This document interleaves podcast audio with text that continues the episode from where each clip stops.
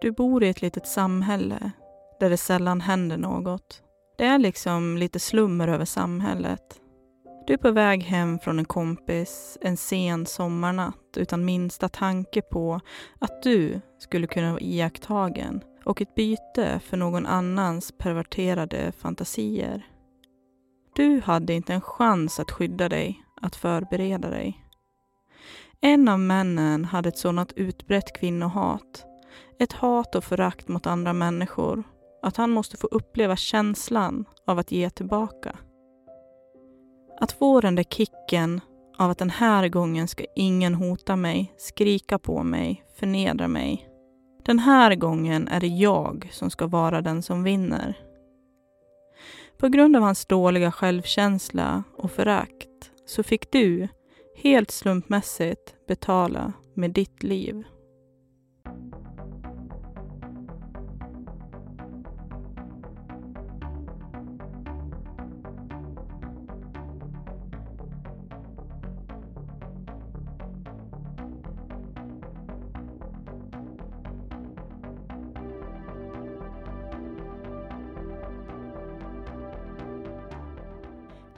Hej och välkommen till Svenska mord för ännu ett avsnitt med mig, Sandra Durst.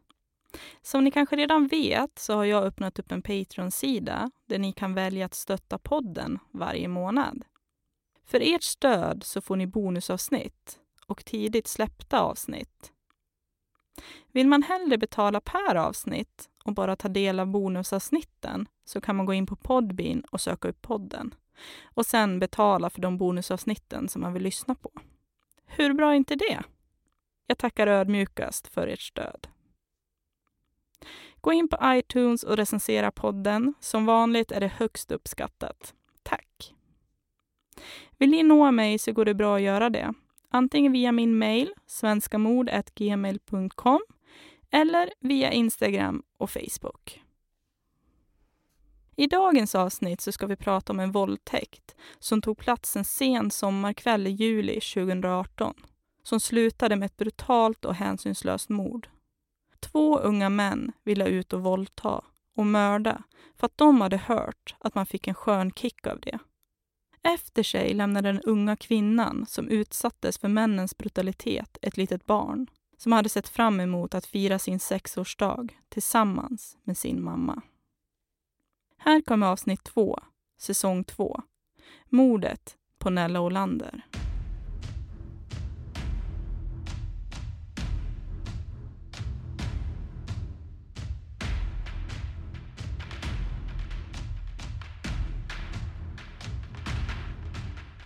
Fagersta är en tätort i Västmanland och en centralort i Fagersta kommun.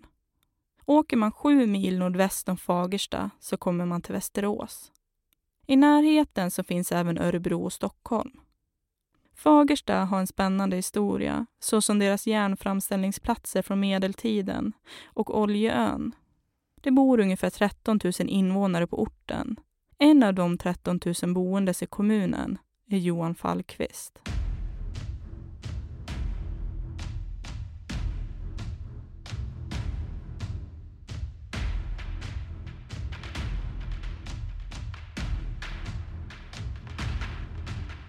År 2018 så var Johan 28 år gammal, 193 centimeter lång och vägde 119 kilo. Johan växte upp i Falun som ligger i Dalarna. Tillsammans med sina föräldrar och tre äldre syskon bodde de på en gård och Johan bodde kvar där när resten av syskonen hade flyttat för att hjälpa sina föräldrar med sysslorna som en gård kräver. I februari 2018 så tyckte Johan, hans terapeut och Johans storebror att det var dags att flytta hemifrån. Mest för att han skulle få ha sitt eget liv. Johans bror ordnade en lägenhet åt Johan som han kunde hyra. Kravet från Johan på den nya bostaden var att det skulle vara ett lugnt område utan gängkriminalitet. Johan stormtrivdes i sitt nya hem och spenderade inte en natt till hemma hos sina föräldrar.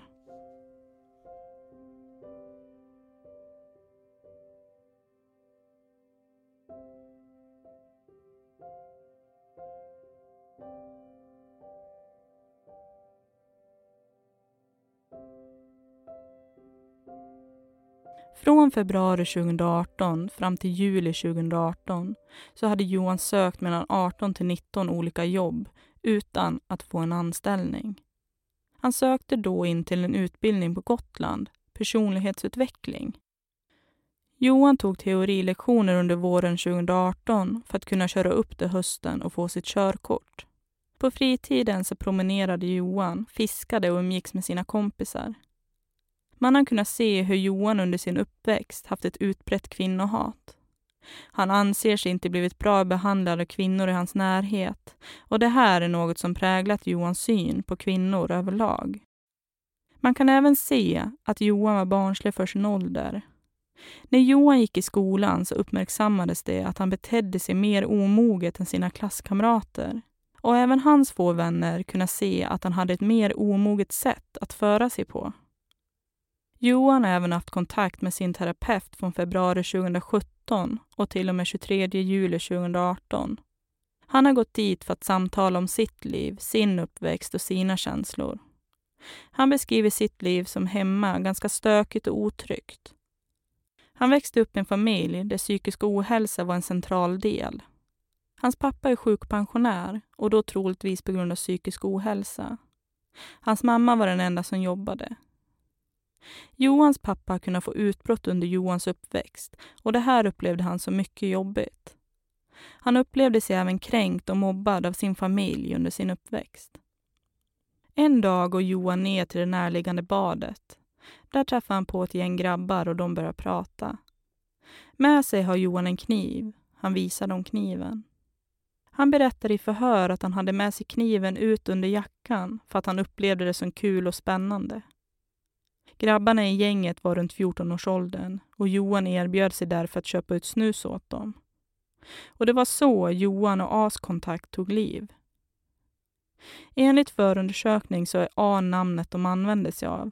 Han är skyddad av sekretess då han är minderårig och kommer inte kunna dömas för något brott. Jag kommer döpa om A för att man lättare ska kunna följa med som lyssnare. Så nu heter A Erik istället. I sex veckor umgicks Johan och Erik nästan dagligen. De var ute och sköt soft airguns och badade.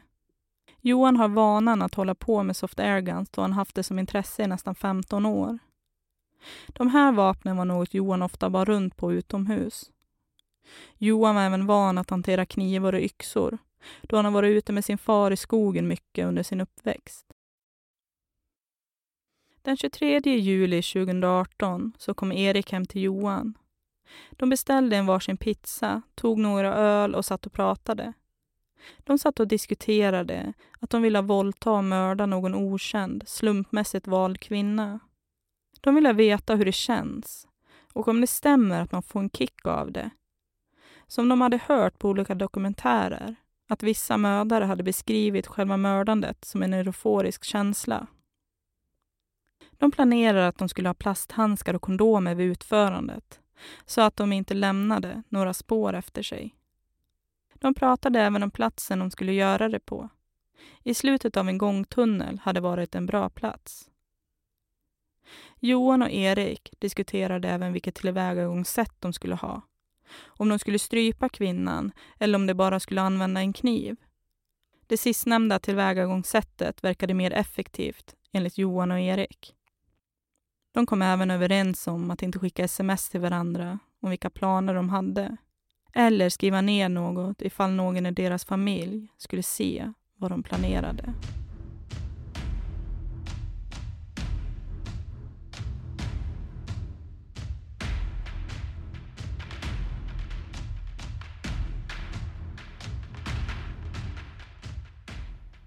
Nella Olander var 28 år när mordet ägde rum.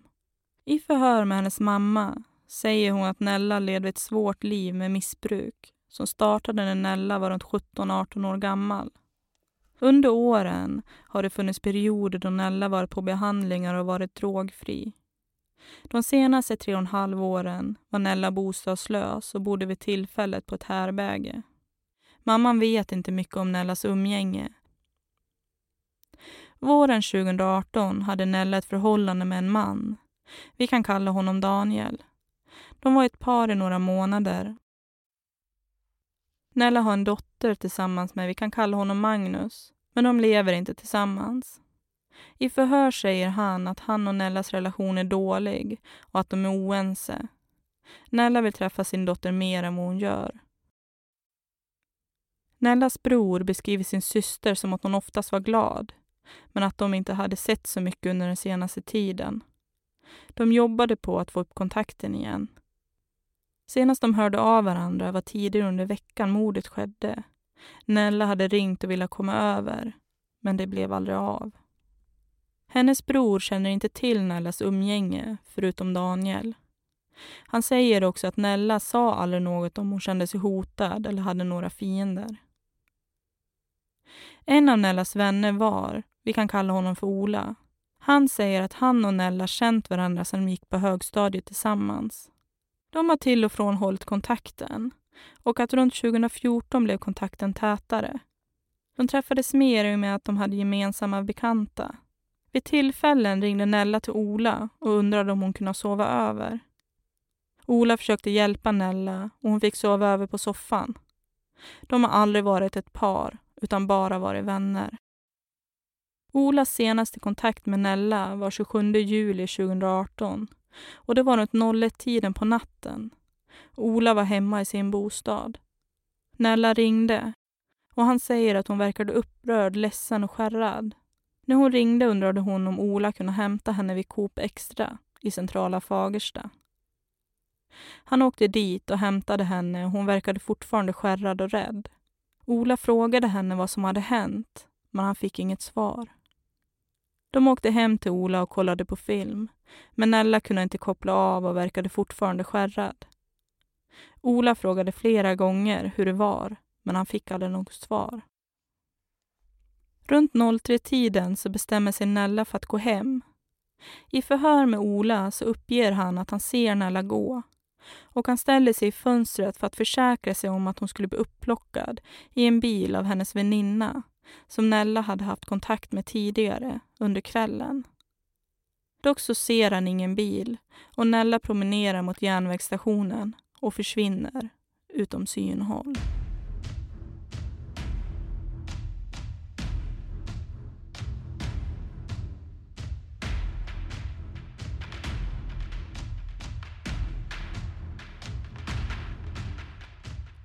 Torsdagen den 26 juli omkring 17.45 så kom Erik hem till Johan. De spelade lite tv-spel och gick sedan till Ica för att köpa godis och läsk. De gick tillbaka hem till Johan och började kolla på en film. Vid 23.40-tiden så byter de kläder. De tar på sig mer skymmande kläder, huva och sjalar som skyller deras ansikten. Kläderna var av mörk karaktär. De packade en ryggsäck i ryggsäcken la de en handduk, vatten, alkohol och sin telefon. Med sig hade de även soft airguns, ammunition och en kniv. När de lämnat lägenheten så var klockan runt 23.50. Det var en varm sommarkväll. De började med att gå ner mot vattnet. Erik ville bada, men Johan avrådde han från det. De gick vidare till rastplatsen vid Kungsbron och stannade där ungefär en timme Senare så gick de vidare till hamnkrogen, men det var tomt där. De slog sönder lite blomkrukor, fönster och flaskor och sprang sedan därifrån. Erik fick med sig en flaska sprit därifrån. De gick vidare ner till vattnet igen och kastade fyllda plasthandskar med grus som Johan hade med sig. Efter ett tag så hamnade de på en cykelväg. De följde den. De letade efter någon tjej att våldta.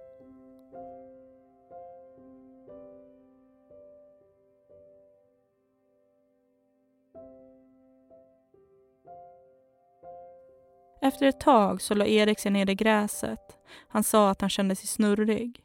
Troligtvis alkoholen som gjorde att han kände sig så. Johan passade på att skjuta lite med sin soft airgun och försökte träffa de förbipasserade bilarna. Han träffade till slut en lastbil.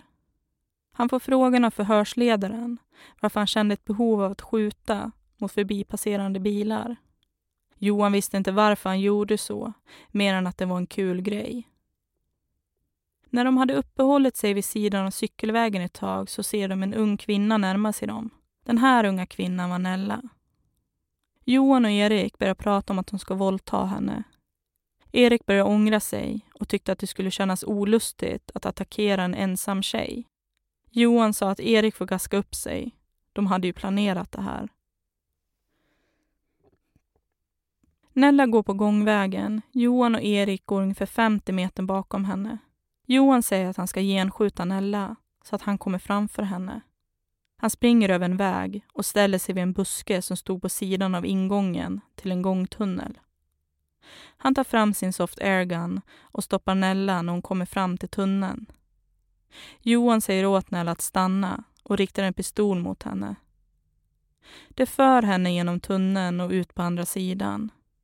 Erik går framför Nella för att försäkra sig om att hon inte skulle rymma. Nella frågar varför de gör så här och då svarar Johan att är det inte så här lustmördare gör, dödar för att det är kul? Enligt Johan så sa han så mest för att skrämmas. När de kommer till andra sidan tunneln så går de upp i en slänt. Där säger de åt Nella att sätta sig ner. Enligt förhör med Johan så säger han att det är nu som Erik våldtar Nella. Man kan även läsa i förundersökningen att spermarester har hittats på och i Nella efter obduktion gjorts. Så man har kunnat fastställa att Erik med stor sannolikhet våldtog Nella. Gör hon som de säger så ska hon få leva, lovar man henne. Efter att Erik är klar med våldtäkten så går Johan fram till Nella tar tag i hennes hår och skär med kniven löst över hennes hals. Nella vrålar ut sin smärta och ångest. Johan säger åt henne att vara tyst och sedan hugger han henne i halsen. Medan han hugger henne så vrider han om kniven så att skadan ska bli större och så att Nella skulle avlida snabbare. Den pådrivande i fallet är Johan. Han har länge fantiserat om att döda någon. Erik, som endast är 14 år gammal, har inte mycket att sätta emot och Johan var dubbelt så gammal som Erik. Och när man är i Eriks ålder så är man lätt påverkad. Johan uppger att Nella skriker medan hon ligger på mage i slänten. Både Johan och Erik blir rädda och tar till flykt. Klockan är nu närmare 03.30 på natten.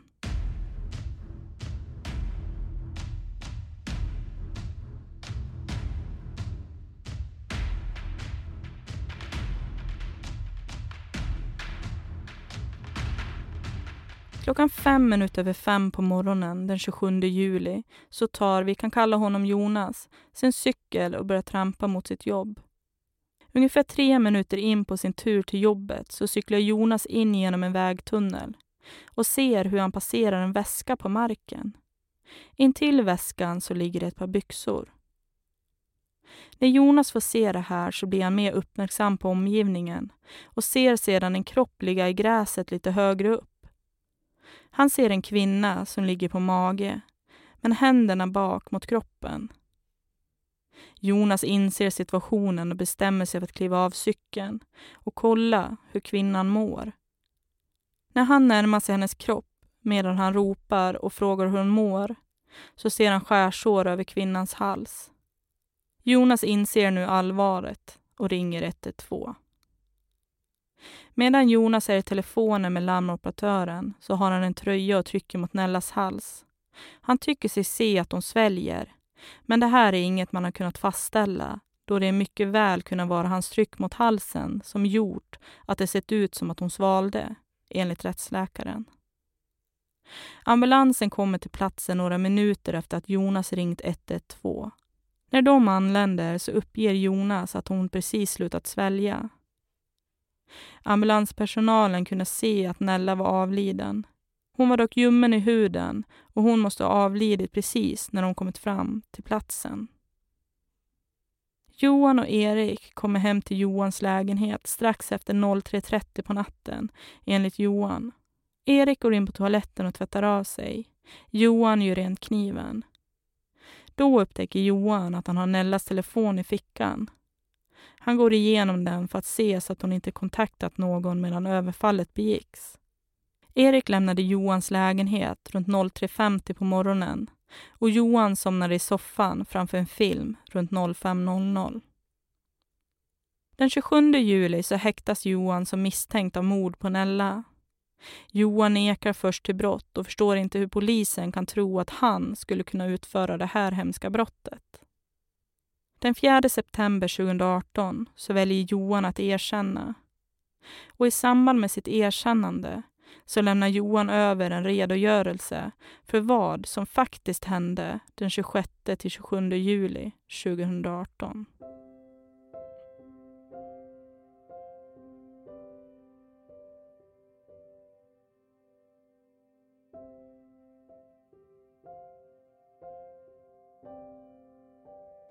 Obduktionen av Nella visar att hon hade sex skär och sticksår i halsen och i bakhuvudet.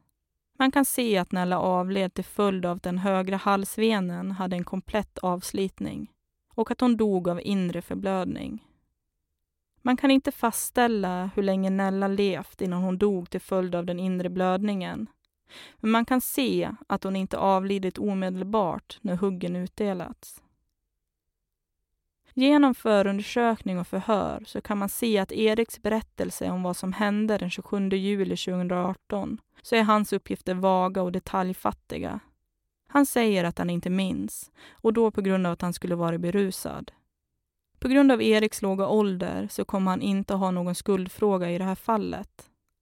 Utan all skuld ligger på Johan Fallqvist då han är myndig och kan därmed dömas.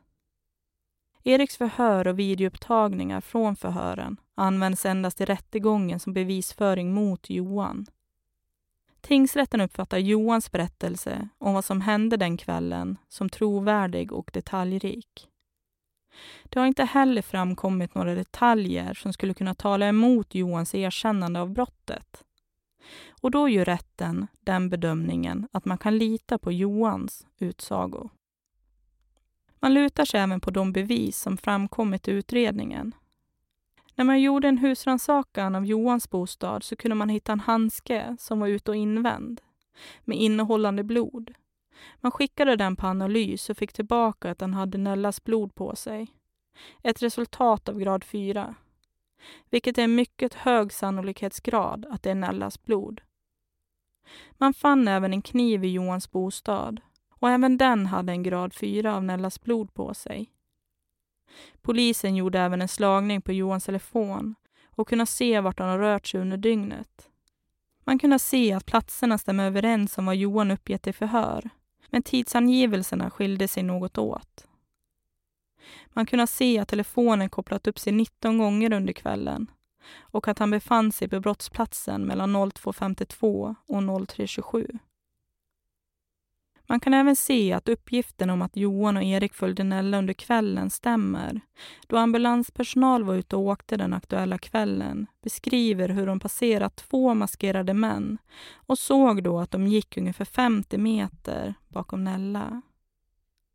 Med vittnesuppgifter, Johans egna utsago brottsplatsundersökning och rättsmedicinska utlåtandet så kan man med stor säkerhet bevisa att Johan är skyldig till mord på Nella. Innan en dom kunde delas ut så fick Johan genomgå en stor rättspsykiatrisk utredning. Och den utredningen visade att Johan inte led av någon psykisk sjukdom under eller efter mordet på Nella. Johan kunde därför dömas till livstidsfängelse i Västmanlands tingsrätt. Johan kommer dock välja att överklaga domen till hovrätten. Trots att Johan inte lider av någon psykisk störning så tycker hovrätten att man kan se att han lider av en viss nedsatt funktionsförmåga och att hans psykosociala förmåga är begränsad. Men det är inte tillräckligt för att kunna ge honom ett tidsbestämt straff, menar hovrätten. Hovrätten fastställer därför tingsrättens dom till livstidsfängelse.